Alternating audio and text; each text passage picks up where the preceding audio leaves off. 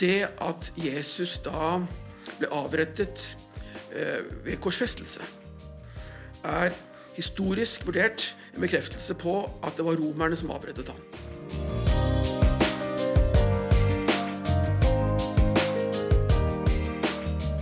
Du lytter til podkasten 'Kirken og jøda' med Rolf Gunnar Heitmann og Kristoffer Eknes. Da ønsker vi hjertelig velkommen til en uh, ny podkast i serien om uh, antisemittisme. Uh, mitt navn er Rolf Gunnar Heitmann, seniorrådgiver i Den norske Israels misjon. Og jeg sitter her sammen med professor, nylig emeritus heter det visst, Jostein Odna ved VID i Stavanger. Jostein, du er professor i det, nye testamentet, men du har også jobbet en god del med hvordan eh, vi skal forstå eh, Det nye testamentets omtale av jøder, og hvordan jøder måte fremstilles også i, i forkynnelse. Du har også vært med å utforme Israelsmisjonens prinsipperklæring, som eh, på mange måter blir et dokument som positivt nærmer seg både jøder og kirkens holdning til jøder, men også til de Jesus-troende jødene. Og Nå sitter du altså også i mellomkirkelig råd og i kirkemøte for Den norske kirke, og i et utvalg som da bispemøtet og mellomkirkelig råd har oppnevnt til å arbeide med relasjonene eh, til det mosaiske trossamfunn og til jødedommen. Hva er det som gjør at du engasjerer deg i disse spørsmålene, Jostein? Det er jo viktige spørsmål. Og eh, for en eh, nytestamentler som da arbeider historisk, om en historisk tilnærming til Nytestamentet, så gir det seg nærmest selv. Og så har det jo da mange aktuelle korrespondansepunkter i vår samtid, både i Norge og internasjonalt. Så eh, det har ikke vært noen vanskelig eller merkverdig prosess at dette er blitt da eh, sentralt i hva jeg er opptatt av, og hva jeg gjerne engasjerer meg i. Men nå skal vi altså snakke om Det nye testamentet. Og for mange av oss, eh, for oss alle, håper jeg, er jo det en kjær bok, og det handler liksom om vår tro. Vår kristne tro.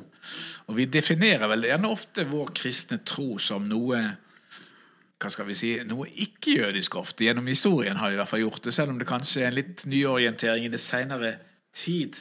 Ehm, jeg møter jo av og til argumentet, og hører det ofte, særlig fra religiøst ortodoks jødisk hold, at det er jo Jesus som har lært de kristne å hate oss jøder. Og hvor har de den lærdommen fra? Jo, det må være fra Det nye testamentet. Derfor sies det skal ingen jøde ta Det nye testamentet i sin hånd. Er Det nye testamentet antisemittisk? Vi, uh, vi, må nok uh, si, uh, skjelne mellom hvordan tekster blir til i en opprinnelig kontekst, og hvilken virkning de siden da kan få i andre kontekster. Og Her vil jeg si at denne skjelningen er veldig viktig. I utgangspunktet så er det sånn at alle forfattere av nytestamentlige skrifter, med unntak av Lukas, var selv jøder.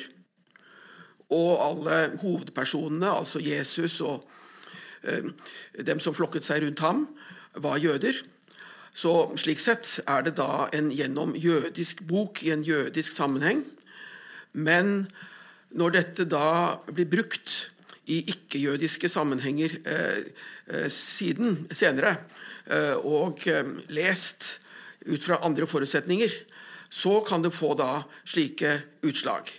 Så det er denne resepsjonen, denne virkningshistorien, som um, slike uh, si erfaringer eller anklager uh, fra ortodoks jødisk hold har sitt grunnlag i. Men har de rett? Det er sånn at enkelte utsagn i Det nye testamentet, som vi antageligvis kommer tilbake til konkret i denne samtalen, er av en slik art at når de da blir uh, lest og uh, brukt, eller skal vi si misbrukt, i en annen sammenheng, så kan de absolutt da um, fungere antijødisk og skade da um, jøder og trigge da til antijødiske holdninger og kanskje hat. Ja. Hva er grunnen til dette? Kan det være at vi som leser Nytestamentet 2000 år etter at det ble skrevet i en litt annen kultursetting, ikke helt har forstått Jesus samtid? For vår del så er det jo 2000 år tilbake. Og det er klart at det har skjedd mye i den tid i løpet av den tiden, og måten Det nye testamentet har kommet til oss på, som påvirker våre lesninger, ofte veldig ubevisst. Så det er et stykke arbeid og anstrengelse å da finne veien tilbake til opprinnelsessammenhengen. Og der er vi faktisk da gunstig stilt i vår tid. Vi har nå tilgang til historiske informasjonskilder som eh, setter oss bedre enn tidligere generasjoner da i stand til å lese Det nye testamentet innenfor da dets eget uh, historiske rammeverk.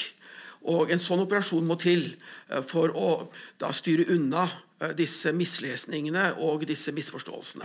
Ja, for disse mislesningene, misforståelsene, er ikke typisk norsk. altså det, er, det er ikke typisk for vår tid. Det er noe som har levd i flere århundrer der, og minst årtusen der.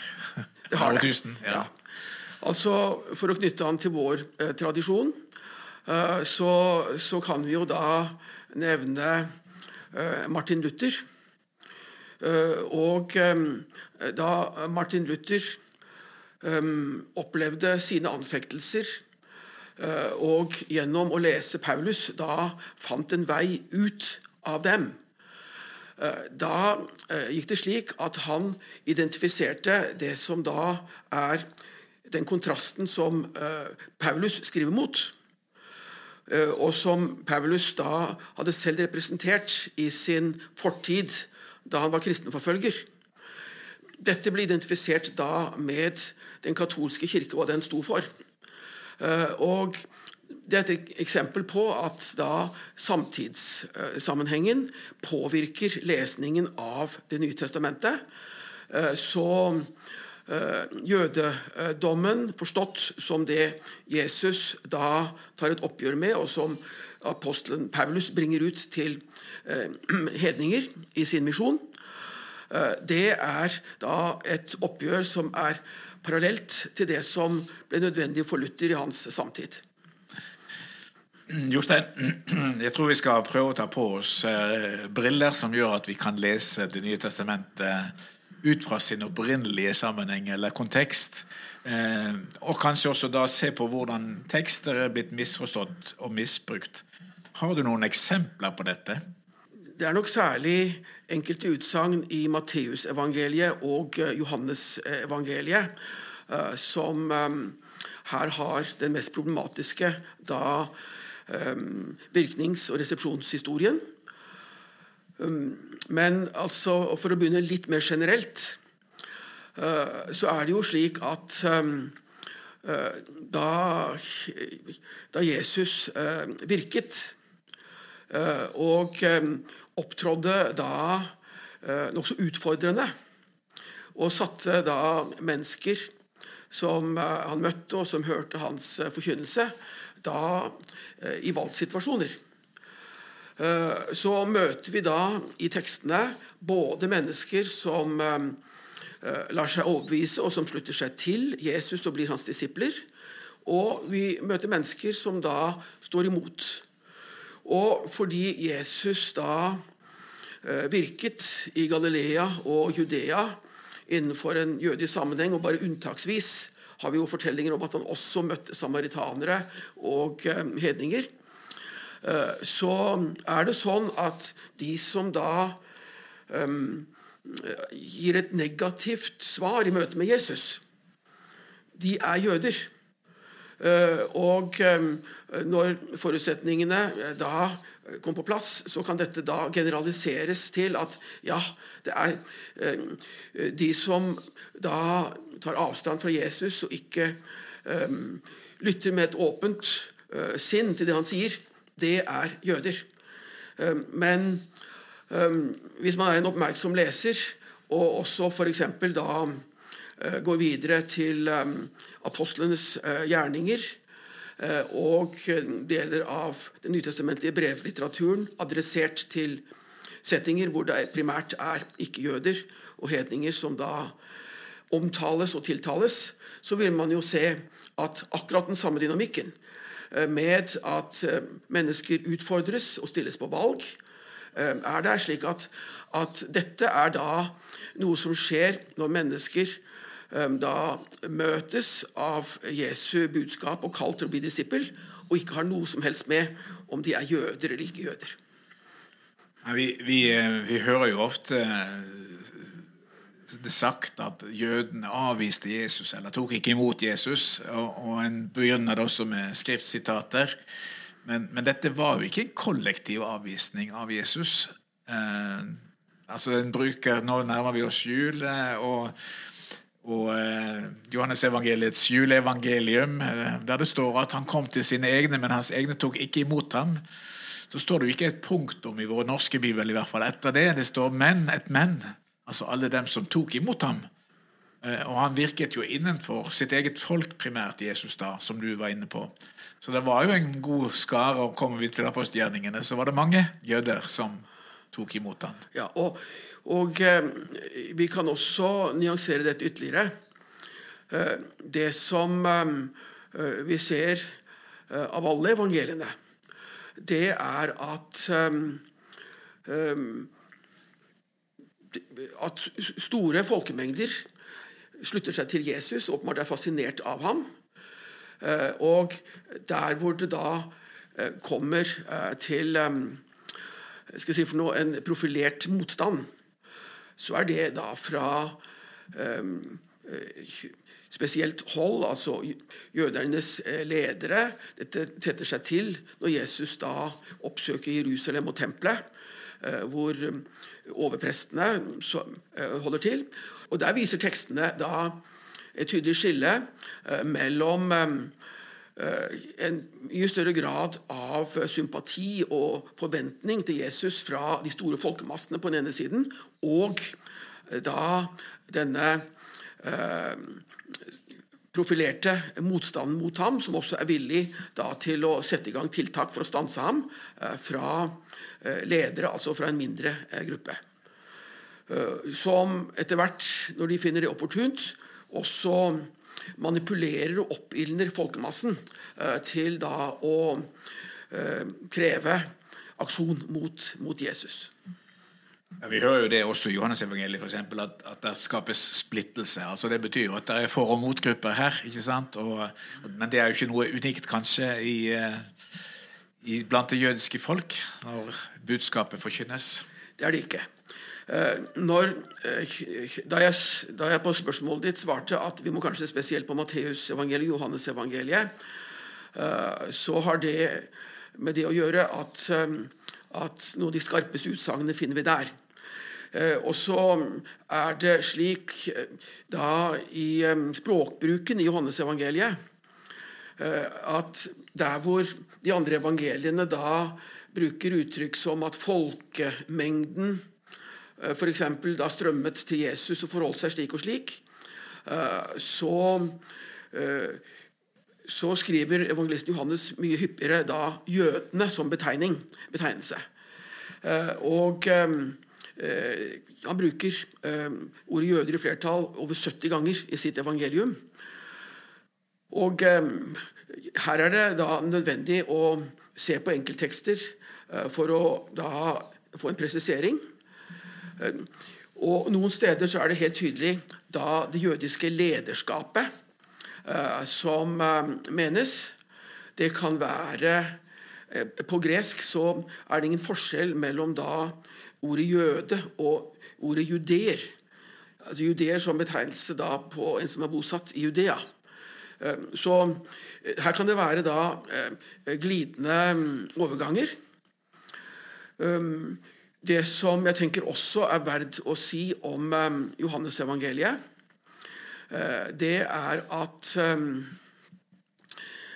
ordet 'verden', gresk 'kosmos', det brukes faktisk enda flere ganger i Johannes-evangeliet enn jøder. Nærmere 80 ganger. Uh, og um, det brukes da parallelt. Så Jesus kan si da til sine disipler at slik som han selv, så er, har de da en utsatt posisjon i verden. Verden forkaster ham og for, vil forkaste dem og forfølge dem. Og på denne måten så blir da jødene fordi det var det folket Jesus opptrådte blant. Også helt tydelig, slik Johannes evangeliet tilrettelegger det, eh, representanter for verden og alle mennesker.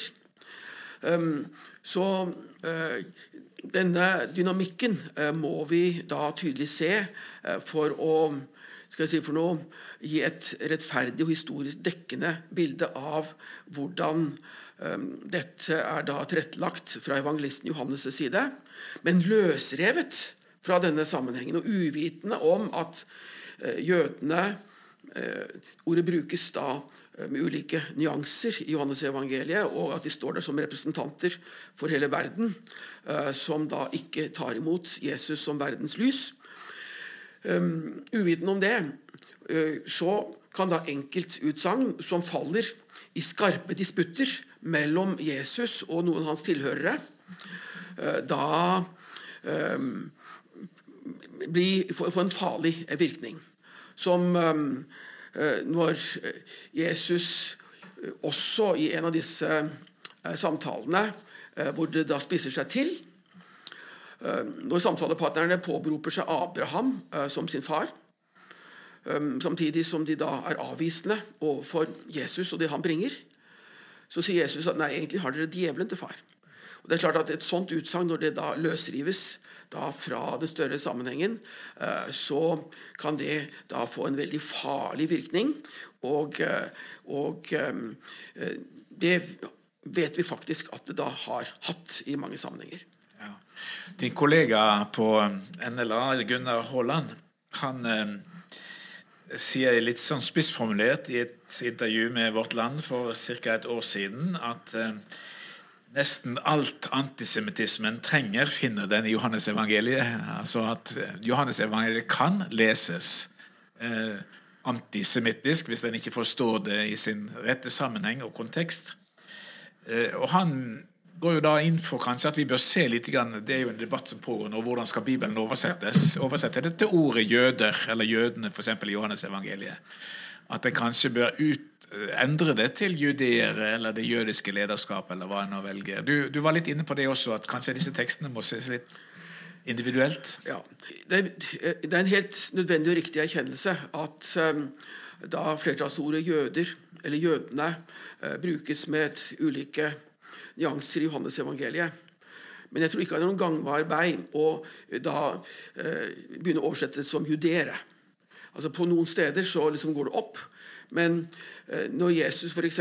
da i samtalen med den samaritanske kvinne eh, sier at eh, frelsen kommer fra judaioi, så kommer den ikke fra judeerne, men da kommer den fra jødene. Eh, og når eh, evangelisten Johannes da forklarer Eh, visse ting som Hvorfor f.eks. hadde man da i bryllupet på Kana eh, disse steinkarene? Jo, det har med jødenes da renselse å gjøre. Så ordet um, brukes uh, um, mange ganger helt tydelig slik at det må oversettes med jødene. Uh, nå har vi jo akkurat i disse dager, altså Den samtalen har vi i slutten av november uh, 2022. Og da har vi fått litt signaler om um, en revisjon av uh, Bibelselskapets bibel som er på gang. Og et uh, signal som er blitt gitt ut, det er at i årsresten av Johannes-evangeliet så vil man noen steder da presisere at det dreier seg om jødenes ledere. Og jeg tenker at det er en gangbar, gangbar vei for å få fram nyansene. Men vi må altså tilbake da til Eh, også det forhold at eh, evangelisten eh, her er selv jøde, som da skriver om, om, om dette. Og også de skarpe utsagnene som faller i stridssamtalene i dette evangeliet, har skal vi si for noe, sine, sine tilsvarigheter innenfor jødisk tradisjon og i Det gamle testamentet. Så det er veldig viktig da å få fram at også Johannes-evangeliet, og jeg har nevnt Matteusevangeliet også, dette er også skrifter som da er skrevet av jødiske forfattere, og som deltar da i en samtale med andre jøder om hva som er situasjonen med Jesus, og det at Jesus har kommet. Og det store problemet får vi å gjøre med når dette da løftes ut av denne opprinnelige settingen, og så ubeskyttet leses og brukes disse tekstene av eh, hedningkristne, av ikke-jøder, mot eh, jødene, som da eh, en annen gruppe som man ikke selv tilhører, eh, i sin egen senere eh, samtid. Du, Visste du at Først er det første misjonsbladet? Først var Først kalt Misjonsbladet for Israel. Så har Først først nå fått ny innpakning. Ja, dette i form av bladet Først. Rett og slett et gammelt misjonsblad i ny form. Fremdeles med fokus på det første folket. Bestill ditt første eksemplar nå, eller abonner først som sist. Misjonsbladet først. Sammen skal vi gi evangeliet tilbake til jødene. Gå inn på israelsmisjonen.no. Bestill bladet helt hjem, helt gratis. Dette er vel et viktig poeng. Johannes, hvis han liksom anklager det jødiske folk kollektivt, så anklager han seg selv ja. som jøde. Eh, samtidig er det jo en del utsagn her i kanskje i slutten av Johannes evangeliet, altså i selve rettssaken, prosessen mot Jesus, som også er veldig skarp. og det, der også Dette nyanseres også i teksten. fordi i Johannes evangeliet kapittel 19 så fortelles det jo at det er overpresten og vaktmennene som altså først da roper 'korsfest, korsfest'. Altså Det er en snever gruppe, kan vi si.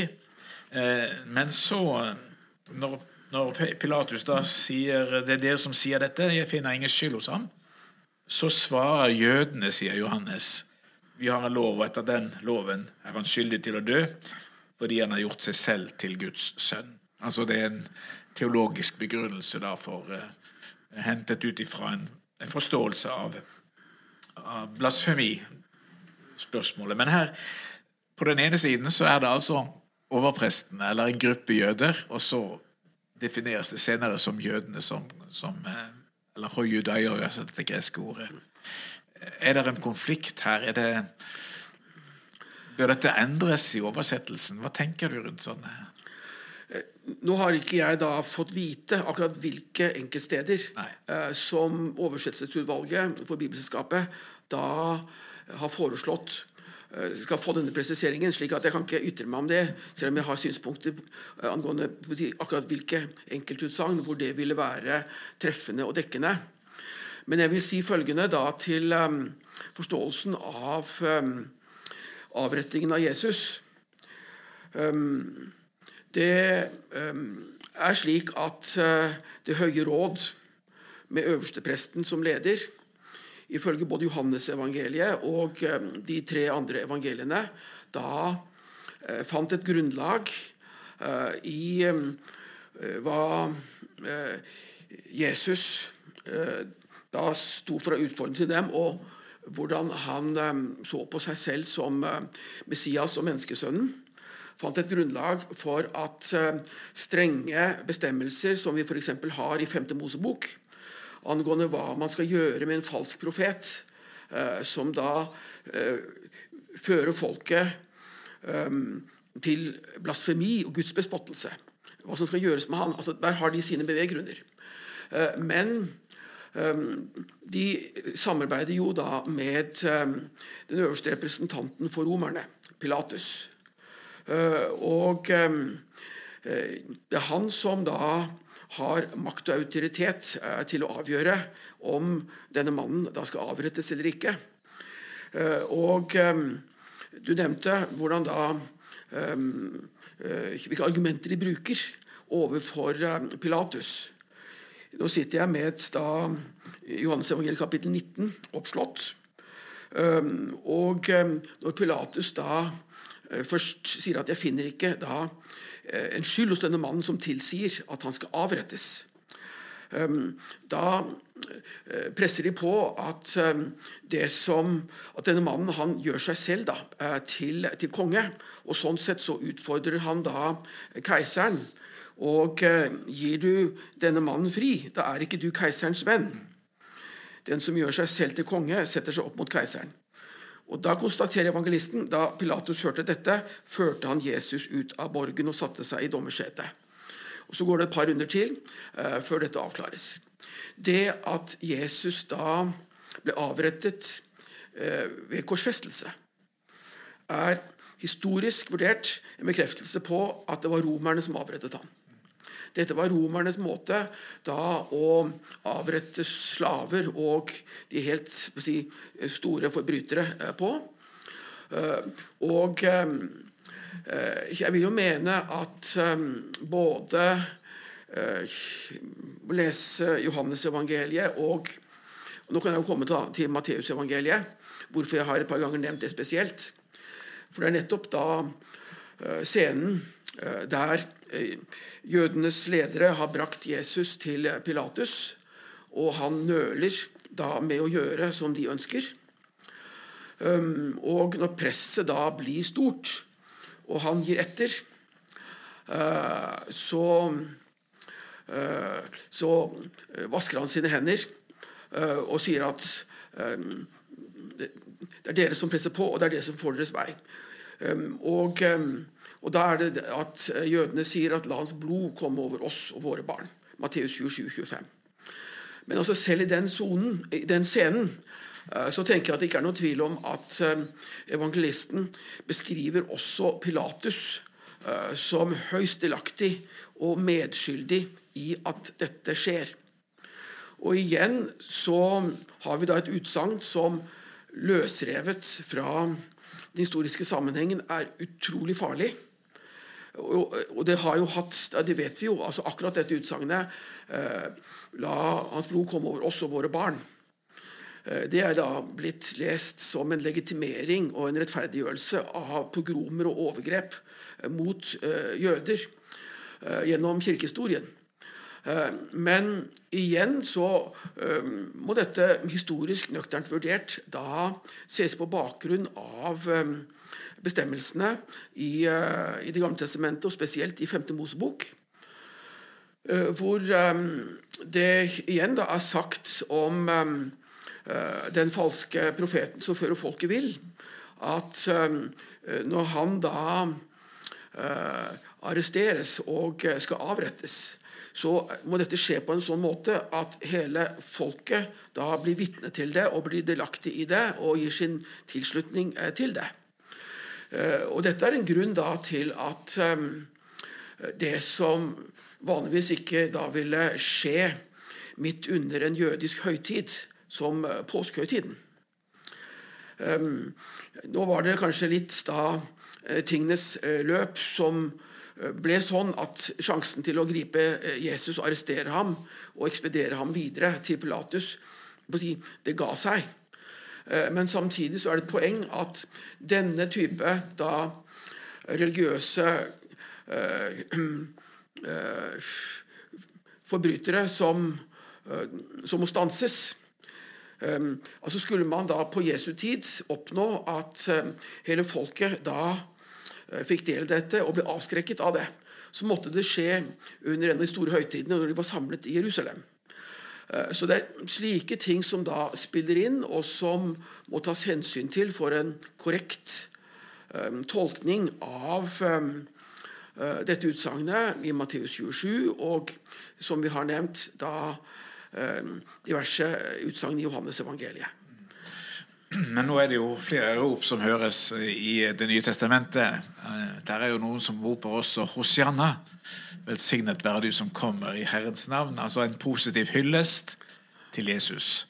Er det en annen gruppe, eller er det Det er også et uttrykk for at det er ulike holdninger til Jesus, er det ikke det? Ja. Altså Selv Jesu disipler eh, hadde jo da forventninger eh, til Jesus eh, som ble trigget, altså Lukas understreker det eksplisitt, at når de nærmer seg da Jerusalem, da tror de at ja, nå vil han endelig da vise seg som den maktfulle Messias som de hadde da forventninger om. Dette var da eh, basert på visse gammeltestamentlige tekster, og hvor man tenkte da på Messias eh, som eh, en kongeskikkelse. Og vi, vi har tidligjødiske tekster fra det første århundret før Kristus. En tekstsamling som kalles Salomos salmer.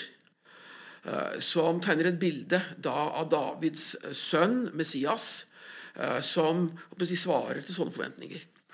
Eh, så når Jesus da eh, trigger sånne forventninger på palmesøndag, altså hvor folkemassen da hyller ham på den måten, og så går dagene, og han si, følger ikke opp på den måten som forventet, kanskje.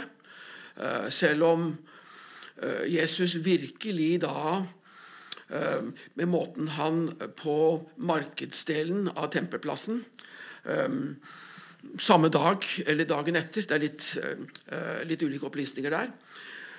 Da velter pengevekslernes bord eh, og duehandlernes benker, og sånn sett da forstyrrer det som eh, Det som skal jeg si for noe, er grunnlaget for ofringer i tempelet osv. Dette er en veldig provoserende handling. Men han følger ikke opp i samsvar med forventninger som mange hadde. Eh, så eh, selv når da eh, tingene blir så dramatiske at Jesus arresteres og avrettes, og hans nærmeste tilhengere da forskrekket og fortvilet gjemmer seg Og så sant, kommer fortellingene om at Jesu grav er funnet da åpen og tom.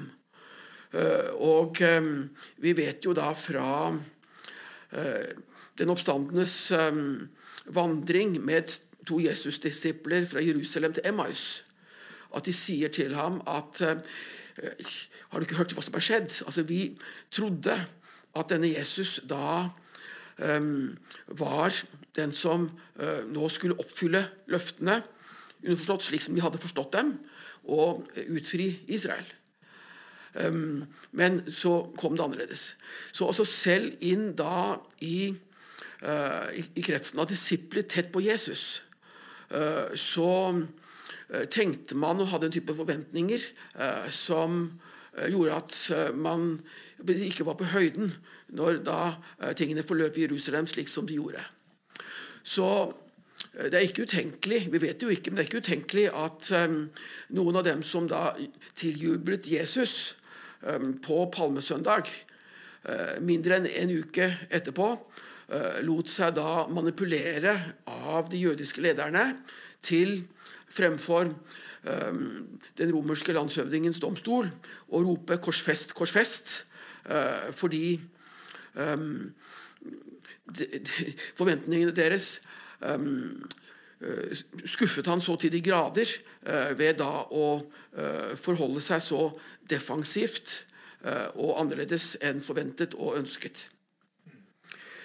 Så, men også altså Det nye testamentet gir også da eh, mange eksempler, med Paulus som det aller fremste, på at jøder som var da hellig overbevist om eh, at dommen mot Jesus falt med rette, da siden kom til et annet syn på.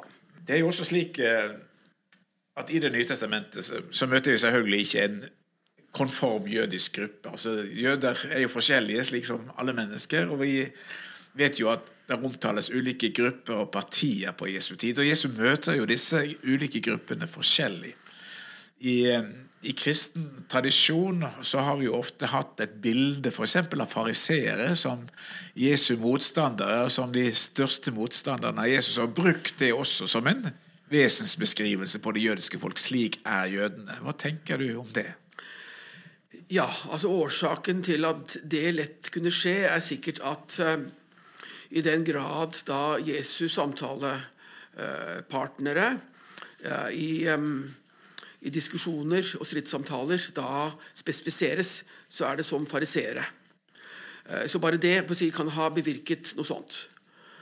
Eh, og så vet selvfølgelig alle, eh, alle, alle opplyste bibellesere at det også er en gruppe som da kalles sadukere. Og der har vi da et eksempel på en stridssamtale fra evangeliene. Og så hører vi om sadukerene at de spiller da en aktiv forfølgerrolle. Og er overlappende med overprestene da i urkirkens første tid i Jerusalem. Um, det kan være at um, uh, historisk interesserte bibellesere også har hørt om at det fantes en gruppering som kaltes essenere i Nytestamentet i tid. Men de er jo aldri da eksplisitt omtalt um, med denne betegnelsen i Det nye testamentet. Um, vi har tre ganger omtale av noe som kalles for herodianere. Og det er klart at Det navnet eh, det er jo koblet da til Herodes-slekten, eh, som eh, vi faktisk da møter i hele fire generasjoner. Fra Herodes den store, som var konge da Jesus ble født, og som sto den, den nye kongen som vismennene fra øst hadde fortalt ham om etter livet. Og så Eh, har vi da eh, fram til eh, Agrippa 2. fire generasjoner gjennom Nytestamentet. Noen har da reflektert over kan de som kalles for herodianerne, kan det være dekna nærmest for essenere. Fordi Herodes den store han hadde da en forkjærlighet for dem. Det tror jeg neppe. Det er litt for spekulativt. Men når, når Eh, det opplyses i Apostelens hjerne kapittel 6, vers 7, at også mange prester kom til troen. Så spør man seg ok, hva slags eh, si, partitilhørighet hadde prester. Ja, Mange av dem hadde da, det vet vi fra andre, andre fyldige kilder i samtiden, de hadde da essensk preg. Og hvis det er slik som jeg og vel fremdeles flertallet av forskere tror, at de såkalte dødehavsrullene de eh, stammer da fra essenerbevegelsen, eh, og dermed gir oss da informasjon om dem. Så ser vi jo da mange spennende både si, punkter til diskusjon og uenighet eh, mellom dem og Jesus og de tidligere kristne, men også da spennende korresponderende punkter. Og Sånn er det da med en nyansert tilnærming til fariseerne. Og Fariseerne er jo faktisk så utførlig omtalt i Det nye testamentet, at den som leser oppmerksomt, vil jo oppdage at de er ikke bare da hissige um, debattanter og motstandere av Jesus. Uh, men Jesus uh, Når f.eks. da inn i dette Herodes-dynastiet, altså han, sønnen av Herodes den store, som het Herodes Antipas, og som var konge da i Galilea Eh, da han eh, hadde tatt livet av, eh, av Johannes døperen og, og så var ute etter Jesus, så var det noen fariseere som kom og advarte Jesus om dette. Og sa at nå må du passe deg. Og Jesus omtalte den anledningen da Herodes som en rev. Og det er også da andre eksempler eh, på at fariseere forholder seg da langt mer åpent og også positivt til Jesus. Eh, så eh, jeg tror det historisk, historisk nøkternt er sånn at fariseerne og Jesus de, de sto hverandre på mange punkter nær. Og Årsaken vi hører mye om dem, er at de omgikkes hverandre og samtalte om ting. Eh, og det var da bredde og nyanser innen fariseerbevegelsen. Og eh, de virkelig da skal jeg si for noe pådriverne fra ledende jødisk hold eh, i å stanse Jesus, det var det ledende presteskapet og den gruppen som kalles sadukere, ikke fariseerne. Nå skal vi være litt forsiktige med å trekke altfor sterke forbindelseslinjer mellom jødedommen på Jesu tid og dagens rabbinske jødedom. Men uh, du og jeg var på et seminar sammen for en stund siden der vi hørte at en norsk jødisk leder sa at fariseerne er jo mine læremestere og forbilder. Altså, identifiserer, Dagens jødedom identifiserer seg på mange måter også med denne, denne fariseiske tradisjonen. Altså, Før um, ødeleggelsen av det jødiske tempel i år 70, uh, så var jo jødedommen veldig mangfoldig. Uh, og um, Både da i fedrenes land og i det store diasporaen som allerede da fantes. Uh, og um, ødeleggelsen av tempelet var selvfølgelig en veldig dyptgripende da, krise og katastrofe for jødedommen. Og fremdeles i mange årtier fremover så var det forhåpninger og tilstrebelser til å få gjenreist tempelet. For en jødedom uten da tempelet i Jerusalem som sentrum var vanskelig å tenke seg. Slik som historien forløp, så var det jo da det nettverket som man allerede i nytestamentlig tid for lengst hadde fått utover da tempelet, gjennom synagogene, Um, og ikke bare da uh, i Judea og, og, Galilea, men langt ut i diasporaen. Altså Der skjedde det ting som um, da la grunnlag for en, en videre eksistens. Og den nærheten mellom fariseerbevegelsen og ikke minst da de skriftlærde innen denne fromhetsbevegelsen. Um, og Eh, synagogene eh, er nok bakgrunnen for at den rabbinske jødedom som da vokser frem, og som da legger et nytt grunnlag for en jødisk eksistens etter at tempelet er tapt, eh, den har jo forbindelseslinjer tilbake til, til fariseerne. Så når et, et kjent, en kjent traktat i, i Mishnah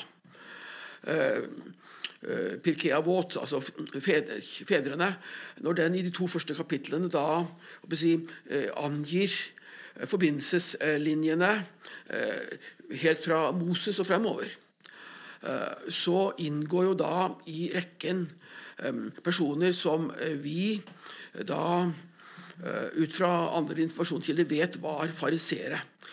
Så, så selv om det historisk da ikke er absolutt likhet mellom de tidlige uh, rabbinerne i tiden etter tempelets fall og fariseerne, så er det forbindelseslinjer der. Uh, så man kan litt forenklet si det sånn at av den mangfoldige eh, tidligjødedommen, men som jødedommen da forut for tempelets ødeleggelse, så var det særlig to grupperinger som da overlevde, og som da får en lang videre historie. Det er da fariseerne og hvordan de legger grunnlaget for det som blir den rapinske eh, jødedom.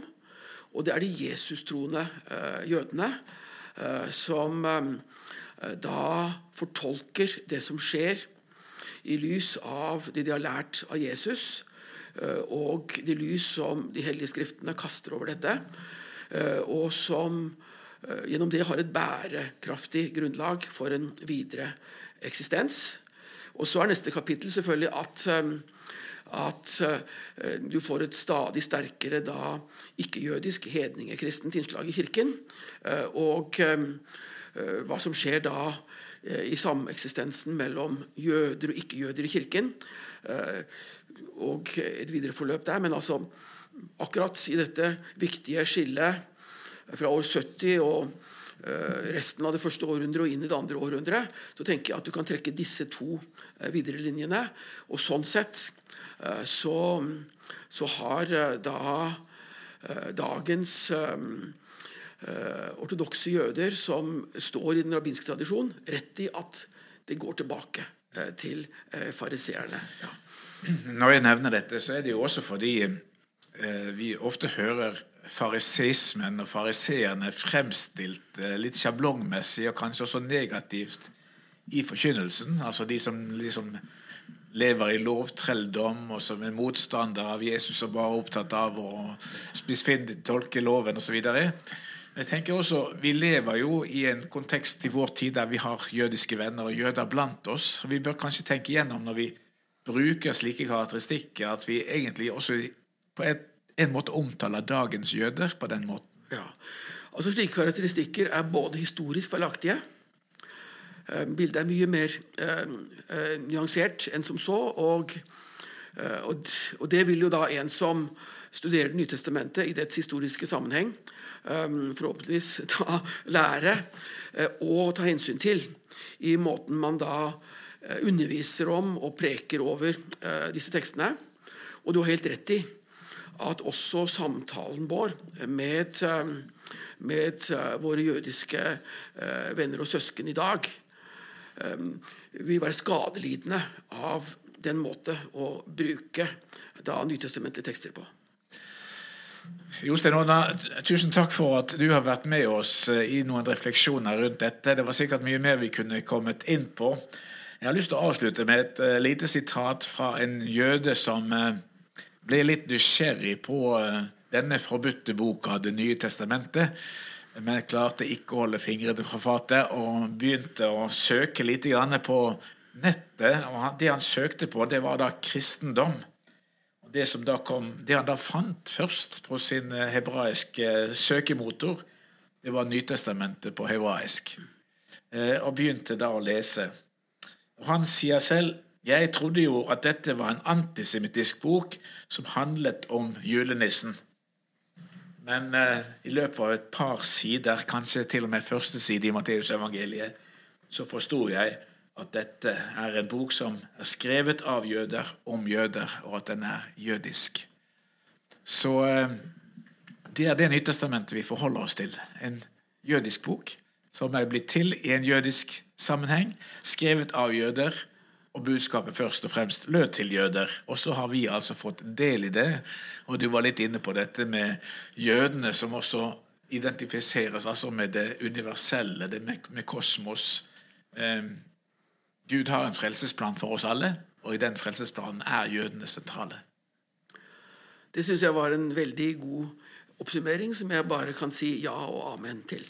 Da sier vi takk til Jostein Hodna, og takk for at du lyttet til. Du har nå hørt podkasten 'Kirken og jøder'. Du kan finne flere episoder på både Apple Podkast og Spotify. Om du vil lese mer om emnene fra podkasten, kan du besøke oss på israelsmisjon.no. På gjensyn.